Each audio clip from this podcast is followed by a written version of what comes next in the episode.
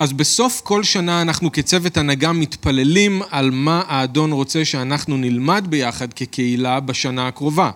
אז בדרך כלל יש סדרה אה, ארוכה יותר וסדרות קצרות תוך כדי, כמו שעשינו את המשיחי בשדה הקרב למשל. אז אחד הנושאים שאנחנו הרגשנו שחשוב שנדבר אליהם השנה ביחד זה בגרות רוחנית. משהו שהוא חיוני לכל אחד מאיתנו ומשהו שהוא חיוני לכולנו ביחד כקהילה. והקריאה הברורה, כמו שאנחנו נראה אותה היום בכתובים, יש קריאה ברורה של אלוהים לכל אחד מאיתנו להתבגר, להתבגר במשיח, להתקדם אל הבגרות. ואני כבר אומר לכם שהקריאה הזאת היא מכוונת לכולנו. זה לא משנה איפה אנחנו על הספקטרום של האמונה המשיחית, על ציר הזמן, אם אנחנו כמה שבועות באמונה או אם אנחנו כמה שנים באמונה. העובדה היא שאף אחד מאיתנו עדיין לא סיים את המרוץ. אז לכולנו יש את ההזדמנות, כולנו צריכים להתקדם אל הבגרות. הסדרה הזאת תהיה קצרה, רק ארבע דרשות, בין לבין יהיה לנו את פסח ויהיה לנו את הגיבושון, אבל ארבע דרשות. עכשיו, היא קצרה כי היא לא נועדה להגיד את כל מה שיש להגיד בנושא הזה, אוקיי? כבר צריך לדעת. אבל זה אמור להיות מספיק כדי לתת לכם כיוון, לתת לכולנו כיוון, מספיק כדי להזניק אותנו, ואז להמשיך את המרוץ ביחד. אז היום אנחנו רוצים לדבר על הקריאה לבגרות רוחנית, סוג של מבוא, אבל אנחנו רוצים לעשות את זה מתוך האיגרת אל העברים. אז אתם יכולים לפנות כבר אל האיגרת אל העברים, פרק ה', פסוק 11, עד פרק ו', פסוק 3. אל העברים, פרק ה', 11 עד ו' 3. אז אנחנו בדרך כלל לא לומדים ככה את הכתובים, כן? אנחנו לא קופצים סתם לתוך איזשהו קטע בספר, באיזשהו ספר, כי זה קצת כמו להתפרץ אל תוך שיחה, נכון? ולשמוע רק חלק ממנה ולא בדיוק להבין מה נאמר שם. אז אני רוצה רק להסביר לכם קצת על מה מדובר, איפה אנחנו נמצאים. השיחה הזאת שאנחנו מתפרצים אליה, בתוך האיגרת אל העברים, באופן כללי, היא על למה ישוע יקר יותר וטוב יותר מכל דבר אחר. הוא יותר יקר מהנביאים, מהמלאכים, מהאבות, והברית החדשה בישוע היא טובה יותר ויקרה יותר מברית סיני שמשה כרת עם עם ישראל. עכשיו, למה הוא מנסה להראות להם את זה באיגרת הזאת אל העברים? כי כנראה ש... אותם יהודים מאמינים, ואתם מבינים, אל העברים זה אל היהודים, זה נכתב אל יהודים מאמינים. אז כנראה שאותם יהודים מאמינים התמודדו עם איזשהו ניסיון או איזשהו פיתוי לעזוב את המשיח ולחזור אל יהדות שהיא בלי ישוע. לחזור אל יהדות שהיא בלי ישוע, בלי המשיח, לחזור לקורבנות בבית המקדש. האיגרת הזאת נכתבה לפני 70 לספירה, בית המקדש עדיין עומד על תילו בירושלים, עדיין יש שם קורבנות, עדיין יש שם כהנים. אז הפיתוי לחזור לקורבנות, הפיתוי לחזור למצוות של התורה ולמסורת, ולהתכחש לישוע ולברית החדשה שהוא כרת בדם שלו, ושהוא אחר כך גם אישר בזה שהוא קם מן המתים. אז זאת הסכנה, והאיגרת נכתבה כדי להזהיר וכדי להוכיח, אבל גם כדי לעודד ולנחם, הכל במטרה שאותם יהודים מאמינים לא ייסוגו אחורה ולא יוותרו על האמונה שלהם בישוע. אז בקטע שלנו היום אנחנו נכנסים ממש אל תוך האיגרת הזאת ואל תוך השיח הזה, והקטע הזה שאנחנו נקרא היום הוא חלק מהאיגרת שמדבר על הכהונה של ישוע. ישוע הוא כהן גדול בדומה למלכי צדק. זוכרים שאנחנו דיברנו על מלכי צדק כשלמדנו על חיי אברהם. אז בחלק הזה המחבר בעצם משווה בין ישוע ככהן גדול ועליון שחי לנצח ומשרת בהיכל שבשמיים, לבין הכהנים שהם משבט לוי, משרתים באופן זמני בבית המקדש בירושלים. והוא מנסה להראות להם שישוע הוא בדיוק כמו הכהנים האלה, אבל גם הרבה הרבה יותר, הרבה מעבר לזה. המסקנה שהוא רוצה שהם יגיעו אליה זה שאם ישוע הוא כהן טוב יותר ויקר יותר מכל כהן אחר שהוא רק בשר ודם, אז למה לעזוב אותו? למה לעזוב אותו? למה לוותר עליו? למה לסגת? אז זה הנושא של השיחה הזאת בשלב הזה של האיגרת. אבל באמצע שהמחבר מנסה להסביר להם את כל זה, קורה משהו מעניין. בגלל שהוא פתאום מרגיש כנראה מאוד מתוסכל. כנראה כי הוא מכיר טוב מאוד את אלה שהוא שולח להם את האיגרת הזאת. הוא יודע שבשלב הזה הם בטח מעקמים את הפרצוף ומתחילים לפהק ומתחילים להירדם, לא מבינים על מה הוא מדבר, כהן גדול, מלכי צדק, מה זה משנה, מה זה קשור. וזה מאוד מפריע לו כי זה לא אמור להיות ככה, הם אמורים להגיב אחרת. אז בנקודה הזאת תראו שהוא פתאום עוצר, ופתאום הוא, הוא, ממש, הוא במקום להמשיך לדבר על ישוע ככהן גדול, הוא כאילו פתאום פותח סוגריים. והוא מאיר להם הערה מאוד אישית והערה מאוד מאוד חשובה על המצב הרוחני שלהם. הוא בעצם מוכיח אותם על חוסר הבגרות הרוחנית שלהם, אבל הוא גם מעודד אותם לעשות את הצעד ולהחליט שהם לא נשארים שם איפה שהם נמצאים עכשיו, אלא מתקדמים ביחד איתו אל הבגרות. הוא אומר שהם כאילו עכשיו במים הרדודים והוא קורא להם אליו, לשחות איתו ביחד אל המים העמוקים של דבר אלוהים. אז בגדול זה ההקשר של הקטע, אוקיי? עכשיו בואו נסתכל ביחד על ההערה הזאת בסוגריים, שהיא מאוד חשובה, ונראה מה הוא אומר להם, ומה אנחנו יכולים ללמוד מזה לחיים שלנו, על הקריאה לבגרות רוחנית במשיח. אז תעקבו איתי ביחד אל העברים, פרק ה', פסוק 11. על זאת יש לנו לומר דברים רבים. מה זה על זאת? על הכהונה של ישוע, שהוא כהן בדומה למלכי צדק. על זאת יש לנו לומר דברים רבים, אך קשה להסבירם מפני שכבדו אוזניכם. הנה בזמן שעליכם כבר להיות מורים, שוב צריכים אתם למישהו שילמד אתכם את ראשית יסודות דברי אלוהים, ונהייתם זקוקים לחלב ולא למזון מוצק.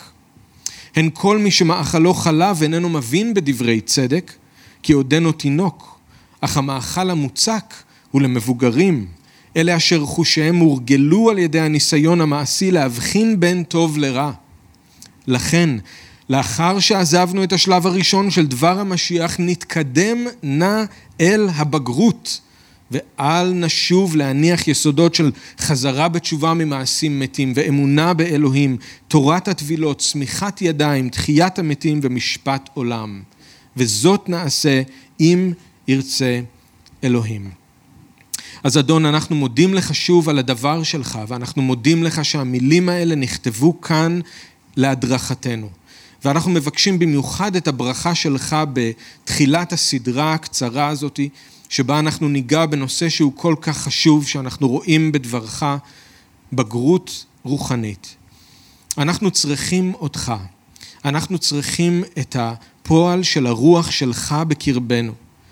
המילים האלה יכולות להיות אה, משמעותיות, והן אכן משמעותיות, והמילים האלה אכן מייצגות אמת, אבל זה לא שווה שום דבר אם זה לא פוגש אמונה בתוכנו ורצון להשתנות. אז אנחנו מתפללים שכשאנחנו שומעים את מה שהדבר שלך אומר, שאנחנו גם נהיה עם לב פתוח שמוכן לקבל בענווה את הדבר הנטוע. אנחנו מתפללים שתעזור לנו להיכנע לך ולדברך ולבחור בטוב. אנחנו מתפללים, אדון, שאתה תפעל בקרבנו, כשאנחנו שומעים את הדבר שלך, כשאנחנו חושבים על הדברים האלה. אנחנו מתפללים שתברך אותנו. גם אותי כשאני מלמד, גם את האנשים ששומעים בלמידה. אנחנו מתפללים שתהיה כאן איתנו ותפעל בקרבנו בשם ישוע. אמן. ב-1983 פסיכולוג בשם דן קיילי כתב ספר שנקרא תסמונת פיטר פן, הגבר שמסרב להתבגר. והסיבה שהוא כתב את הספר הזה זה במש... בגלל שכל כך הרבה שנים בתור פסיכולוג הוא טיפל במאות מקרים של גברים כאלה שלא רצו או פחדו להתבגר. עכשיו אני כבר אומר לכם שזה נכון לגבי נשים גם, אוקיי? לא. עכשיו כל הנשים מסתכלות על הבעלים שלהם, אומרות, תסמונת פיטר פן. אז רק לידיעתכם יש ספר שגם כן נקרא תסמונת ונדי. זה על, באמת, על נשים שהן אימהות מגוננות יותר מדי, שמאפשרות את פיטר פן. הן עוזרות לפיטר פן להיות פיטר פן, אוקיי? אז אנחנו הגברים צריכים לא להיות פיטר פן, אתם הנשים צריכות לא להיות ונדי, ואנחנו אה, נתקדם ביחד אל הבגרות. אוקיי. אז זה מדבר על גברים שלא רצו או פחדו להתבגר. גברים שנשארו תקועים איפשהו בילדות או בגיל הנעורים. אפילו שמבחינת גיל הם כבר היו מבוגרים, הם לא רצו לקחת אחריות. הם לא רצו להתחייב לשום דבר, הם חשבו רק על עצמם ולא על אחרים. הם חשבו שהכל מגיע להם, שאין חובות, רק זכויות. הם רצו לחיות חופשי, בלי דאגות, בלי שיגבילו אותם, בלי שיגידו להם מה לעשות, ממש כמו פיטר פן, שחי בארץ לעולם לא. זוכרים? לא בעולם האמיתי. למה? כי הוא לא רצה לגדול. בגלל זה דוקטור קיילי קרא לס... לעניין הזה, למצב הזה, תסמונת פיטר פן. עכשיו, באוניברסיטת גרנדה הגדירו אנשים כאלה שסובלים מתסמונת פיטר פן כאנשים שיש להם גוף של מבוגר, אבל צורת חשיבה של ילד. הם לא יודעים איך או לא רוצים להפסיק להיות ילדים ולהפוך לאבות ואימהות. גוף של מבוגר, אבל צורת חשיבה של ילד. פיטר פן, או כמו שקרל יונג דיבר על זה, הילד הנצחי. זאת בדיוק הבעיה שהייתה גם כאן עם המאמינים האלה שקיבלו את האיגרת אל העברים. מסתבר שתסמונת פיטר פן לא פסחה עליהם, וסביר להניח שהיא גם לא פסחה עלינו. אנשים שמבחינת הזמן הם כבר מבוגרים באדון, הם מאמינים כבר הרבה שנים, אבל בחשיבה שלהם ובהתנהגות שלהם הם תקועים איפשהו בשלבים הראשונים של האמונה. אנשים שמנסים כל הזמן לברוח אל ארץ לעולם לא. איפה שאין אחריות ואין דאגות. הבעיה היא שבעולם האמיתי אי אפשר לברוח, נכון? אל ארץ לעולם לא, ומי שמסרב להתבגר, האמת שהוא לא נעלם לשום מקום. אז מה שקורה זה שבסופו של דבר הוא פוגע בעצמו והוא פוגע באחרים סביבו, כי הוא לא באמת נעלם, הוא נשאר כאן. הבעיה הזאת של חוסר בגרות במשיח והתסכול הזה, זה לא משהו שאנחנו רואים כאן רק באיגרת אל העברים, אלא זה משהו שאנחנו רואים בעוד מקומות בכתובים, והאמת שאנחנו כבר רואים את זה במידה מסוימת עם ישוע ועם התלמידים שלו. הוא אומר ביוחנן ט"ז, עוד רבות יש לי להגיד לכם, אלא שאתם אינכם יכולים לשאת זאת עכשיו. מאוד מזכיר את האיגרת אל העברים, מה שהוא אומר להם. או במרקוס, אם אתם זוכרים, כשלמדנו את בשורת מרקוס, הוא אומר לתלמידים, גם אתם חסרי הבנה כל כך? האם אינכם מבינים שכל הנכנס לתוך האדם מן החוץ אינו יכול לטמא אותו?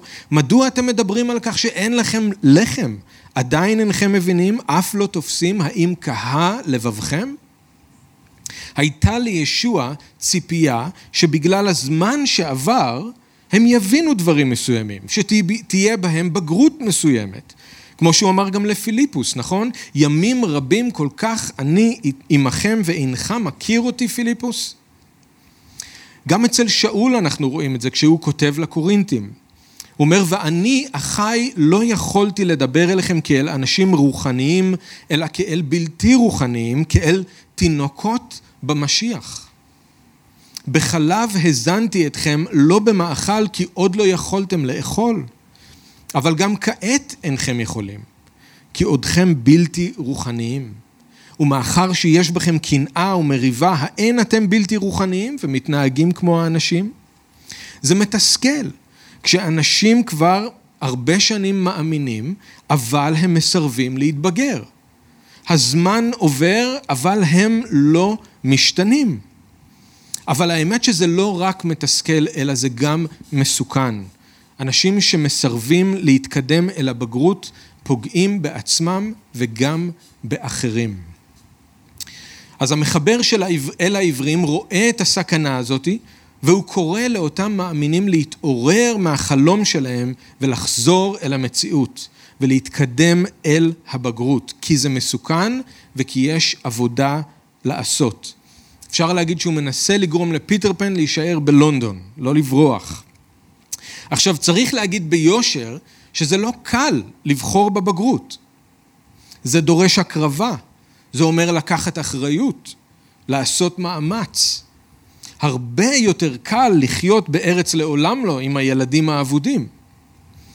אבל אני חושב שה... הקטע שלנו היום יכול לעזור לנו לעשות את הבחירה הזאת למרות הקושי. למרות הקושי. כי יש משהו בקטע הזה שיכול לדחוף אותנו קדימה, את כולנו. ואני אסביר לכם למה אני מתכוון. אני חושב שבקטע הזה, אולי יותר מבקטעים אחרים, אנחנו יכולים לראות בבירור את מה שמונח על הכף. את מה שמונח על הכף כשאנחנו מדברים על חוסר בגרות מול בגרות. לפעמים אנחנו לא חושבים על זה ככה, אבל המחיר של לא להתקדם אל הבגרות הוא מחיר כבד מאוד. והוא לא משפיע רק עלינו, הוא משפיע על אנשים אחרים מסביבנו. בגלל זה חשוב שאנחנו נשמע את הקריאה הזאת ונבין מה המשמעות של הבחירה שאנחנו עושים. וזאת באמת בחירה. זאת בחירה. לצבור שנים באמונה זאת לא בחירה, זה פשוט קורה. אבל להתבגר זאת בחירה. זה לא קשור לזמן שעובר, זה קשור למה שאנחנו מחליטים לעשות עם הזמן. יש הרבה אנשים שיש להם פזם, יש להם הרבה שנים באדון. זה לא בגרות, בהכרח. אז קודם כל אני רוצה שנראה את הקריאה הזאת מתוך הקטע. תסתכלו איתי ביחד דווקא בסוף של הקטע, פרק ו' פסוקים 1 ו-2. לכן לאחר שעזבנו את השלב הראשון של דבר המשיח, נתקדם נא אל הבגרות ואל נשוב להניח יסודות, ואז הוא מונה שישה דברים שהוא מכנה אותם יסודות. אז השלב הראשון הוא דבר המשיח. כשהעיניים שלנו נפקחות בפעם הראשונה, אנחנו שומעים את הבשורה ואנחנו מבינים שישוע הוא המשיח המובטח, שהוא מת כדי לכפר על החטאים שלנו, שהוא קם לתחייה ושהוא יבוא שוב בגבורה כדי להשיב את כל הדברים לתיקונם, ואז אנחנו מחליטים לשים את האמונה שלנו בו. אז הקריאה לבגרות היא כמובן רק בשביל מי שכבר עבר את השלב הראשון של האמונה, מן הסתם. מי שנולד מחדש לתקווה חיה, מי ששייך למשיח. מי שעוד לא סיים עם השלב הראשון, אז לא צריך והוא גם לא יכול לחשוב על בגרות. בגלל שהוא עדיין בתהליך של להיוולד, או בתהליך של להניח יסודות. יש לזה את הזמן של זה. מי שבתחילת הדרך הקריאה הזאת עדיין לא ממש בשבילו. הוא עדיין לומד את הבסיס, וחלב זה מאכל ראוי, לא מצופה ממנו למשהו אחר. אבל אלה שכבר מאמינים ויודעים שהם שייכים למשיח, הקריאה הזאת מופנית אליהם, כי אין להם שום סיבה להישאר שם. הם אמורים לעזוב את השלב הראשון ולהתקדם הלאה. לעזוב את השלב הראשון ולהתקדם הלאה. זה לא אומר לשכוח את הבשורה או את הפלא של סליחת החטאים או את התקווה של התחייה מן המתים, ממש ממש לא. זה אומר לקחת את כל הדברים האלה ולבנות עליהם, לפתח אותם, להעמיק בהם. זה אומר לעזוב את השלב הראשון של רק להאמין בבשורה ולהתקדם על השלב הבא של לחיות את הבשורה. זה אומר לעזוב את השלב הראשון של רק לזהות מיהו המשיח ולהתחיל לחיות יום יום כשאנחנו לומדים לקחת את העול שלו עלינו ולעשות את מה שהוא אומר לנו. יותר מדי מאמינים נשארים תקועים בשלב הראשון ולא מתקדמים הלאה. כשאני הגעתי לאמונה, אני זוכר שרק שני דברים עניינו אותי וגרמו לי אושר. אחד, גיליתי שכל הנבואות של התנ"ך מתגשמות בישוע ושהוא באמת המשיח המובטח. שתיים, הבנתי שכל החטאים שלי נסלחו ושאני חופשי מאשמה ומהחטא, מהכוח של החטא ושיש לי חיי עולם בישוע. זה כל מה שעניין אותי. זה כל מה שחיפשתי בתנ"ך ובברית חדשה, סימנתי בתנ"ך ובברית החדשה, בכל מיני סימנים ובכל מיני צבעים, זה כל מה שדיברתי עליו עם אנשים אחרים, מאמינים או לא מאמינים. ישוע המשיח ובו יש לנו סליחת חטאים. זה מילא אותי באושר כל יום. הרגשתי שאני בעננים. ואני מודה לאלוהים על ההתלהבות הראשונית הזאת שהייתה לי אז ועל האוצר היקר הזה שמצאתי טמון בשדה, ששינה לי את כל החיים. זה לא משהו שאי פעם יאבד מהעוצמה שלו, אבל באיזשהו שלב, ואני לא בטוח אם לא לקח לי קצת יותר מדי זמן להבין את זה, אבל באיזשהו שלב הבנתי שכמה שכל זה נפלא, זה בעצם היסוד. זה היסוד, ועכשיו אני צריך להתחיל לבנות עליו משהו. כמו ששאול אומר לקורינטים, אי אפשר להניח יסוד אחר זולתי זה שהונח, והוא ישוע המשיח, אבל ישגיח כל איש כיצד הוא בונה על היסוד הזה. זה מדהים שנושעתי, נכון? אבל עכשיו אני צריך לעשות משהו עם הישועה שקיבלתי. אני אמור לפעול למימוש תשועתי, כמו ששאול אומר.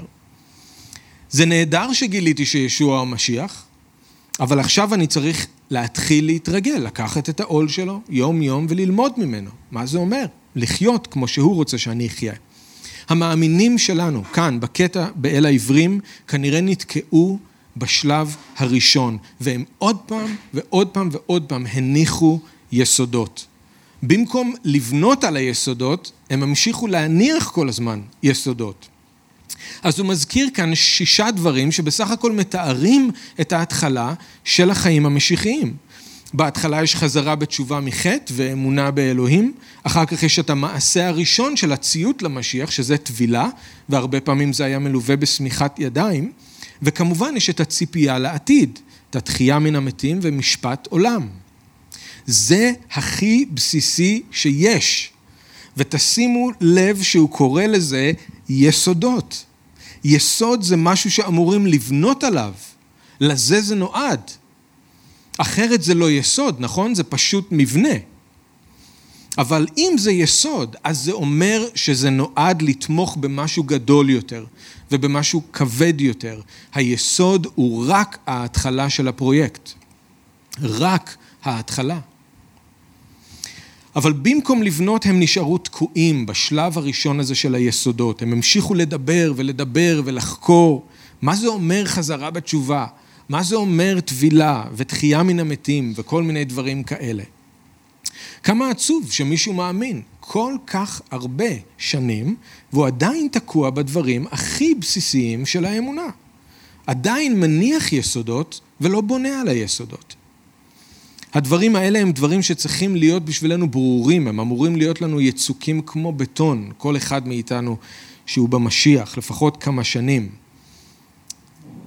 על, על הדברים האלה אני אמור לבנות, אוקיי? Okay? אלה לא דברים שאמורים להיות מעורפלים ולא ברורים, שאנחנו כל הזמן ממשיכים לדבר עליהם ולחקור אותם.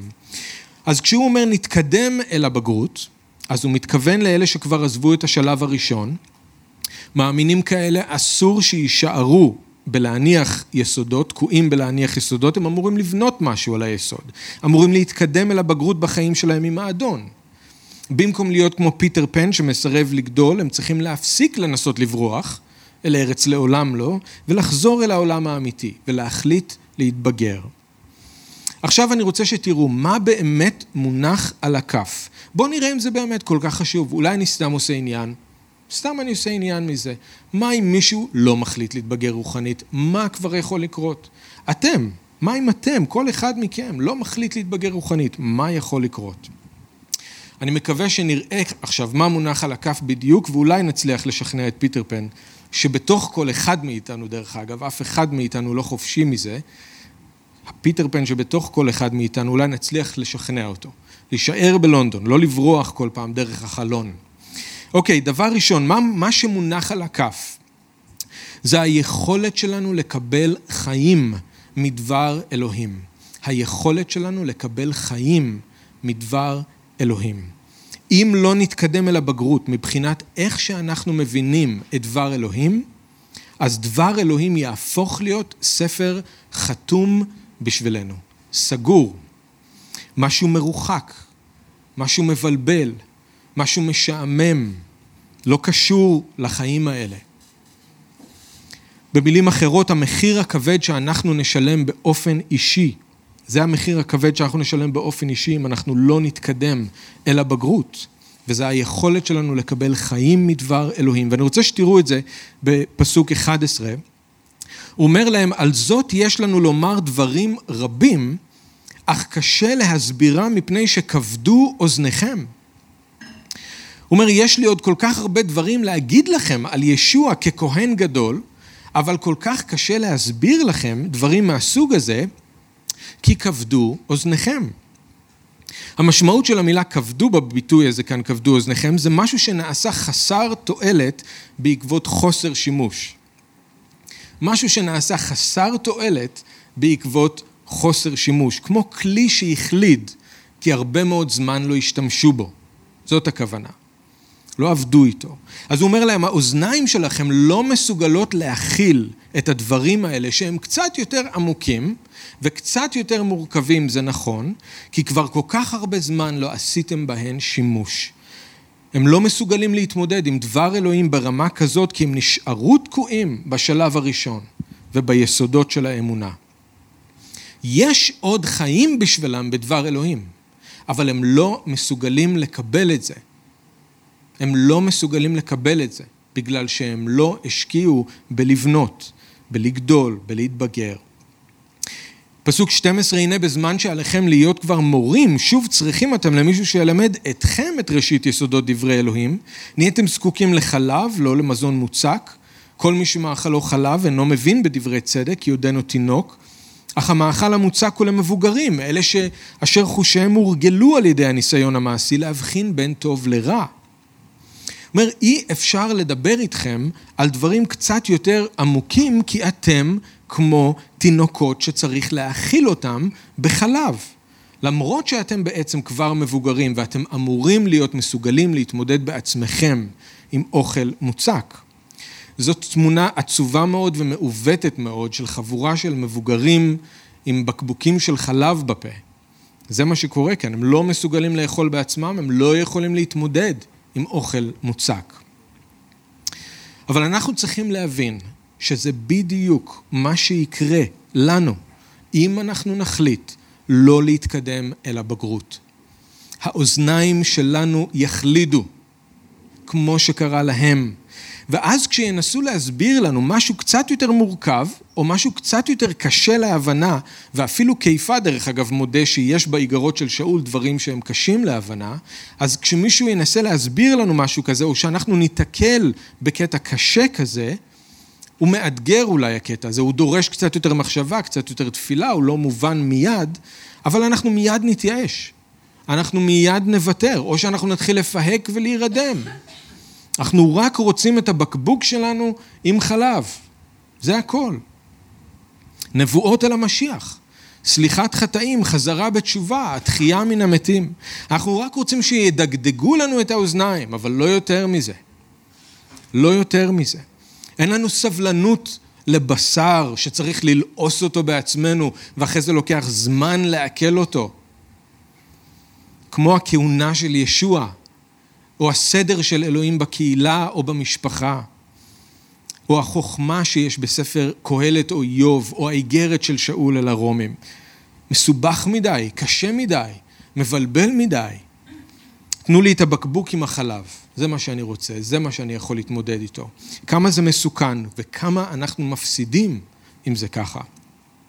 עכשיו, בטח כש, שבהתחלה, כשאנחנו מגיעים לאמונה, זה הכל חדש והכל מרגש, זה נפלא למצוא עוד ועוד נבואות שמתגשמות במשיח, זה נפלא לראות איך התנ"ך והברית החדשה מתחברים ביחד, ואנחנו מגלים שהכל יהודי, איזה יופי, וזה נפלא להתרגש מסליחת חטאים, וגם לראות איך אנשים אחרים משתנים במשיח, אבל אנחנו צריכים להבין שיש עוד עומקים בדבר אלוהים. עושר המשיח הוא עצום לאין חקר, כתוב לנו. עושר המשיח הוא עצום לאין חקר, אין סוף או גבול ליופי של אלוהים ולחוכמה שלו. וכן, זה הרבה פעמים קשה לחפור לעומק עד שמגיעים לאיזשהו פן חדש שלא ראינו עד עכשיו, אבל כשכן סוף סוף מגיעים לשם, כשכן סוף סוף מגלים את זה, זה ממלא אותנו, זה ממלא את הנפש שלנו, זה מחזק את האדם הפנימי, זה מקרב אותנו לאלוהים. אני רוצה שתחשבו על זה ככה. להחליט להאמין בישוע, אבל לא להתקדם אל הבגרות, זה קצת כמו לשלם הרבה מאוד כסף כדי לטוס למקום מדהים כמו הוואי, אבל אחרי הנחיתה להישאר בשדה התעופה ולא לצאת החוצה. זה מה שזה אומר. שילמנו מחיר יקר כשאמרנו כן לישוע. אז למה עכשיו כשאנחנו כאן אנחנו לא יוצאים החוצה? בואו נטייל ונחקור ונגלה את כל מה שיש כאן. למה להפסיד את הנוף שאפשר לראות מראש ההר רק בגלל שזה קשה לטפס? למה לא לשתות מים מהמעיין רק כי צריך לעבור בג'ונגל בדרך לשם? שילמנו כל כך הרבה כסף כדי להגיע להוואי ואנחנו נשארים בטרמינל. נראה לכם הגיוני? למה אנחנו שילמנו מחיר יקר כשאמרנו כן לישוע, אבל עכשיו כשאנחנו כאן אנחנו לא עושים עם זה כלום? למה? יש עוד כל כך הרבה שלא ראינו, כל כך הרבה שלא חווינו. דבר אלוהים יכול להיות מקור נפתח בשבילנו, אבל אנחנו צריכים להחליט שאנחנו מתקדמים אל הבגרות. דוד הכיר את דבר אלוהים טוב מאוד, אבל הוא עדיין התפלל. גל עיניי ואביטה נפלאות מתורתך. וזה באמת ככה. אני יכול להגיד לכם מניסיון, ואני בטוח שהרבה מכם יכולים להגיד את אותו הדבר, לא משנה כמה שנים אני קורא ולומד את דבר אלוהים, אני לא מפסיק לגלות דברים חדשים שם. הסדרה של חיי יעקב למשל, שאנחנו עושים עכשיו, התחלנו אותה רק לא מזמן, וכבר הדרך שבה אני רואה את יעקב השתנתה לגמרי. הייתי רואה אותו כיותר כשקרן וכרמאי, ועכשיו אני רואה אותו באור אחר לגמרי, אחרי 14 שנים שהוא עבר שם את שריפת האש אצל לבן והיה כל כך נאמן. אני רואה אותו אחרת, בגלל הסדרה. ואני הרבה שנים באמונה וקראתי את הסיפור של יעקב המון פעמים. אבל עכשיו גיליתי משהו חדש. אני מעריך את יעקב יותר כתוצאה ממה שראיתי בדבר אלוהים. ואני חושב שגם קיבלתי תמונה אולי לאיך זה נראה כשאלוהים מייסר מישהו כמו בן. וזה גם עוד דוגמה אצל יעקב של איך לעבור נכון את הניסיונות או את שריפות האש. לא לחפש רק לצאת מהאש כמה שיותר מהר. זה מעודד אותי, זה מאתגר אותי, אני מרגיש כאילו שנוסף לי עוד רובד לחיי האמונה שלי וליחסים שלי עם אלוהים. אני מרגיש כאילו שנפתח לי עוד איזשהו חלון שעכשיו הוא תמיד שם בשבילי כשאני צריך. אני תמיד יכול ללכת אל החלון הזה עכשיו ולהסתכל דרך החלון הזה אל הנוף שאני רואה משם ולתת לנוף לעשות את מה שהוא צריך בתוכי. אבל זה לא היה קורה אם לא הייתי מתאמץ. זה לא היה קורה. אם לא הייתי מתאמץ ללמוד את דבר אלוהים ואם לא הייתי מתאמץ להקשיב לדבר אלוהים. זה לא היה קורה. להכין דרשה בשבילי זה כל פעם מאמץ מחודש. כל פעם. אולי אתם חושבים שזה בא בקלות, זה לא. זה מאמץ מחודש כל פעם. כל פעם אני צריך לשבת מול דבר אלוהים ואני צריך לבחור להאמין שיש כאן משהו שאלוהים רוצה להגיד לי והוא רוצה להגיד דרכי לכם. כל פעם אני צריך לחזור לאמונה הזאת שיש כאן משהו, גם אם אני לא רואה את זה עדיין. אתם יודעים, אם אני הייתי מוותר אחרי פעם ראשונה, שנייה או שלישית, של לנסות להבין מה יש בדבר אלוהים, לא היו לכם כאן דרשות, לא ממני, סטפן היה מלמד את הכל. גם לא? אתה היית מלמד, לא הייתה ברירה. אני פשוט לא היה לי מה לתת לכם.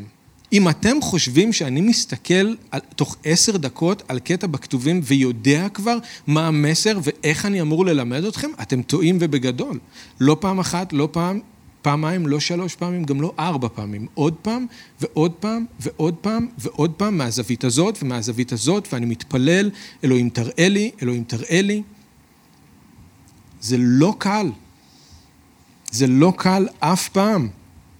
אבל אלוהים נאמן, וכשאנחנו מתאמצים ואנחנו עושים את העבודה הקשה, הוא פוגש אותנו שם, וזה תמיד שווה את זה. תמיד שווה את זה. אני אף פעם לא מתאכזב. אלוהים לא מאכזב אותי אף פעם. זה קשה מאוד, אבל אני לא מתאכזב ואני לא מתחרט על זה. אבל אם אנחנו לא נתקדם אל הבגרות בהבנה שלנו את דבר אלוהים, אנחנו נישאר עם משהו מאוד שטחי, משהו מאוד רדוד, וזה לא סתם נגמר בחוסר ידע. זה הרבה מעבר לזה, זה חיים לאדם הרוחני שלנו, זה לא עניין של אינפורמציה. היכרות שטחית מדבר, עם דבר אלוהים, הפירוש של זה זה שאנחנו לא מקבלים חיים מדבר אלוהים. אנחנו צריכים לזכור שהדרך העיקרית שבה אנחנו רואים את אלוהים ואת עצמנו, זה דרך הדבר שלו. כשאני לומד את, את דבר אלוהים, אני לומד אותו. אני לומד על המחשבות שלו, אני לומד על הדרכים שלו. אני יודע יותר טוב מי הוא דרך דבר אלוהים. ואני לומד על עצמי. יעקב אומר שללמוד את דבר אלוהים זה כמו להסתכל במראה. זוכרים? לראות את הצורה האמיתית שלנו. אז אם אני לא ממשיך להעמיק את ההבנה שלי, זה לא רק שאני לא יודע, אני לא רואה. אני לא רואה את היופי, אני לא תואם את הצוף. אני לא חווה את ההרגשה הזאת של החרב החיה של דבר אלוהים שנכנסת בפנים ומפרידה בין נפש לרוח. לא רואה, לא מתקרב, לא מתענג, לא מקבל חיים כי אני לא מסוגל להתמודד עם המאכל המוצק של דבר אלוהים. אז אני רק רוצה שלא יהיו לנו אשליות, לא להתקדם אל הבגרות, לא להתקדם אל הבגרות, זה אומר שאנחנו נשלם מחיר אישי כבד מאוד בחיים הרוחניים שלנו עם האדון. חוסר בגרות פוגע ישירות ביכולת שלי לקבל חיים מתוך דבר אלוהים. זה מה שמונח על הכף, לא פחות מזה. אני רוצה לסיים רק עם פן אחר שזה קשור לזה, מה, מה מונח על הכף, וזה קשור לזה. אמ, אה, אני רוצה להגיד רגע עוד משהו אחד. אדם בוגר באמונה זה לא מישהו שרק רוצה לדעת את דבר אלוהים כדי להבין מה יש שם, ואנחנו נדבר על זה יותר בהמשך הסדרה, אלא זה מישהו שגם מוכן ליישם את דבר אלוהים. זה גם חלק מהבגרות. המאכל המוצק הוא למבוגרים. אלה אשר חושיהם הורגלו על ידי הניסיון להבחין בין טוב לרע. אז אנחנו נדבר על זה יותר בהמשך, אבל אני רק רוצה שאתם תראו כרגע שבגרות לא קורית רק מלמידה של דבר אלוהים. זה קורה כשאנחנו מוכנים לחיות את דבר אלוהים. הסדרה הזאת נועדה לעודד אותנו להתקדם ביחד אל הבגרות, אבל הסדרה הזאת עצמה לא תבגר אף אחד. זה שאנחנו יודעים יותר טוב מה דבר אלוהים אומר על בגרות רוחנית לא מבגר אותנו. אתם מבינים? אין דרך לעקוף את זה, זה חייב להיות ניסיון מעשי. אוקיי. אז אני רוצה להגיד אה, דבר אחרון, וזה קשור לזה, מה עוד מונח על הכף. לא רק היכולת שלי לקבל חיים מדבר אלוהים, אבל עוד משהו. זה גם היכולת שלי להעניק חיים לאחרים דרך דבר אלוהים. שימו לב מה אומר בפסוק 12, הן בזמן שעליכם להיות כבר מורים. בזמן שעליכם להיות כבר מורים. מישהו שלא מתקדם אל הבגרות לא מכיר בעצמו את העומקים של דבר אלוהים, ובגלל זה הוא גם לא יכול להדריך אחרים לשם. הוא לא מקבל חיים והוא לא יכול להעניק חיים. בגלל שעבר כבר הרבה מאוד זמן מאז שהם באו לאמונה, היה מצופה מהם בשלב הזה שהם יהיו מורים, שהם ילמדו אחרים ויעזרו לאחרים להניח יסודות. אבל במקום זה, הם בעצמם צריכים עזרה בלהניח יסודות, למרות שהם כל כך הרבה שנים באמונה. מה שמצופה מאדם בוגר זה שהוא ייתן מעצמו לאחרים. ייתן מעצמו לאחרים. לא יישאר כמו ילד, שחושב בצורה אנוכית, הכל סובב סביבי, כולם צריכים לשרת אותי, אני לא צריך לעשות כלום. כשאנשים מתבגרים, אז הם מוכנים להקריב בשביל אחרים, הם מוכנים לשרת גם כשהם לא רוצים. הם נושאים עם אחרים את המסעות שלהם, משתמשים במתנות שלהם כדי לבנות את הגוף. אז אם לא נבחר להתקדם אל הבגרות, אנחנו בעצמנו לא נקבל חיים מדבר אלוהים, אבל אלוהים גם לא יוכל להשתמש בנו. כדי להעניק חיים לאחרים, והקהילה כולה תסבול. הקהילה כולה תסבול. אנשים יבואו לאמונה, אבל לא יהיה מי שיתלמד אותם.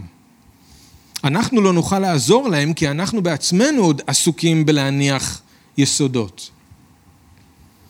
אחים ואחיות באדון שכבר מאמינים, ייתקלו בכל מיני קשיים, ירצו לדעת איך להחליט החלטות ומה לעשות בכל מיני מצבים, איך לבחור נכון, ולא יהיה מי שידריך אותם. אנחנו לא נוכל לעזור להם כי אנחנו בעצמנו הולכים לאיבוד ואנחנו צריכים מישהו שידריך אותנו. לא למדנו מהניסיון המעשי איך להבדיל בין טוב לרע לפי דבר אלוהים, אנחנו לא מבינים בדברי צדק, אז מה שווה העצה שלנו? מי יבוא אלינו? אם יש לנו ילדים, אז זה אומר שאנחנו לא נוכל ללמד אותם איך לחיות בדרך האדון בעולם הזה, לא נוכל לעזור להם לעצב תפיסת עולם משיחית, אנחנו כבר שנים עסוקים רק בלהניח יסודות, אז מה יש לנו לתת להם? במילים אחרות, כשאנחנו לא מתקדמים אל הבגרות, זה לא רק שאנחנו משלמים מחיר אישי, אלא גוף המשיח כולו סובל, אחרים סובלים. הוא אומר להם באל העברים, היו אנשים, יש אנשים שאתם הייתם אמורים ללמד אותם, אבל אתם לא מלמדים אותם והם נשארים בלי מורים בגלל שאתם בחרתם לא להתקדם אל הבגרות. אנשים צריכים מורים, הם צריכים עזרה, הם צריכים תשובות, אבל אנחנו לא יכולים לעזור להם, וככה כל גוף המשיח נחלש. אז אם אנחנו לא רוצים להתבגר בשביל עצמנו, בואו נעשה את זה בשביל אחרים. בואו נעשה את זה כדי שהמשיח יפואר ויכובד. כל איבר בגוף נחוץ כדי שכל הגוף יגדל וביחד נגיע למלוא קומתו של האדם השלם במשיח. עכשיו, רק להגיד, זה לא אומר שצריך תפקיד רשמי בקהילה. אתם רק צריכים שדבר המשיח ישכון בקרבכם בשפע, כדי שתוכלו ללמד ולהוכיח אחד את השני, כמו שכתוב בקולוסים ג'. זה סוג של לימוד טבעי שקורה בתוך הקהילה בינינו, זה משהו שהוא לא רשמי. משהו ששופע מכם בגלל שאתם החלטתם להתקדם אל הבגרות, זה מה שקורה. אז, קטע לא פשוט מאל העברים, נכון? מאתגר מאוד. אותי זה מאוד מאתגר, אבל זה גם דוחף אותי קדימה, ואני מקווה שגם אתכם. אני רוצה שתחזרו לקטע הזה, תקראו אותו, תתפללו, תחשבו. תסתכלו אבל על מה שמונח על הכף. אם אתם בוחרים לא להתקדם על הבגרות, תראו מה המחיר שאתם תשלמו ותראו מה המחיר שכל האחרים סביבכם ישלמו, כי אתם החלטתם לא להתקדם אל הבגרות. ואני מקווה שאנחנו נחליט כן להתקדם אל הבגרות ולהפסיק לברוח מקושי. עכשיו, בהמשך הסדרה אנחנו נדבר יותר על איך כל זה קורה בפועל, מה אנחנו יכולים לעשות כדי להתקדם אל הבגרות, אבל אני רק היום רציתי שאתם תראו מה מונח על הכף. זה לא צחוק, זה לא דבר קטן בכלל, ואני מקווה שזה ידחוף אותנו הלאה אל הבגרות. אפילו אם זה כרגע רק ברמה של החלטה. כן, אני רוצה להתקדם אל הבגרות, ואז אנחנו נדבר על איך אפשר לעשות את זה. שאול, ואני מסיים עם זה בראשונה אל הקורינטים י"ג, אומר, בהיותי ילד, דיברתי כילד, הבנתי כילד, חשבתי כילד, אבל כשהייתי לאיש, שמתי קץ לדברי הילדות. שמתי קץ לדברי הילדות. זה הזמן, אני חושב, בשביל כולנו ביחד כקהילה להחליט שאנחנו שמים קץ לדברי הילדות. אנחנו לא ממשיכים להיות תקועים במקום. אנחנו לא ממשיכים להניח יסודות. אנחנו רוצים לבנות על היסודות, גם בשבילנו וגם בשביל אחרים שמסביבנו. המטלה הזאת של להתבגר היא לא משהו שמונח על הכתפיים שלנו כהנהגה. כל אחד מכם צריך להחליט את זה, להתקדם אל הבגרות. זו החלטה אישית שאתם צריכים לעשות בין, ביניכם לבין האדון, וגם להבין איך בחיים האישיים שלכם אתם מוציאים את זה לפועל. אמן? נתפלל ביחד. אבא יקר, אנחנו רוצים להודות לך על דברך, וגם כשזה קשה, גם כשזה מאתגר, גם כשזה לא נעים, אנחנו מודים לך שאתה אומר לנו את האמת, ומזהיר אותנו, ומוכיח אותנו, גם מעודד וגם מנחם אותנו, ואנחנו מודים לך שכל הדברים האלה נמצאים בקטע הזה שלמדנו היום, ואנחנו רוצים להיות כאלה שאומרים כן לקריאה הזאת, להתקדם אל הבגרות. ולעזוב את השלב הראשון ולא להמשיך כל הזמן להניח יסודות. אבל כמו שכתוב בסוף הקטע, וזאת נעשה אם ירצה אלוהים, אנחנו תלויים בך, אנחנו תלויים בפועל שלך בקרבנו. אנחנו יכולים לעשות את ההחלטה הזאת, ואנחנו מתפללים שתעזור לנו לעשות את ההחלטה הזאת, אבל את ההתבגרות עצמה, זה משהו שאנחנו חייבים שאתה תעשה איתנו ובתוכנו. אנחנו מבקשים שתבגר אותנו, כל אחד מאיתנו, בחיים האישיים, וגם אותנו כקהילה. אנחנו ככרם אל רוצים להיות קהילה בוגרת, קהילה שמתקדמת כל הזמן אל הבגרות. אז אנחנו מודים לך שאתה כל יכול, וגם זה לא נפלא ממך. אז אנחנו שמים את זה ואת עצמנו בידיך, בשם ישוע. אמן.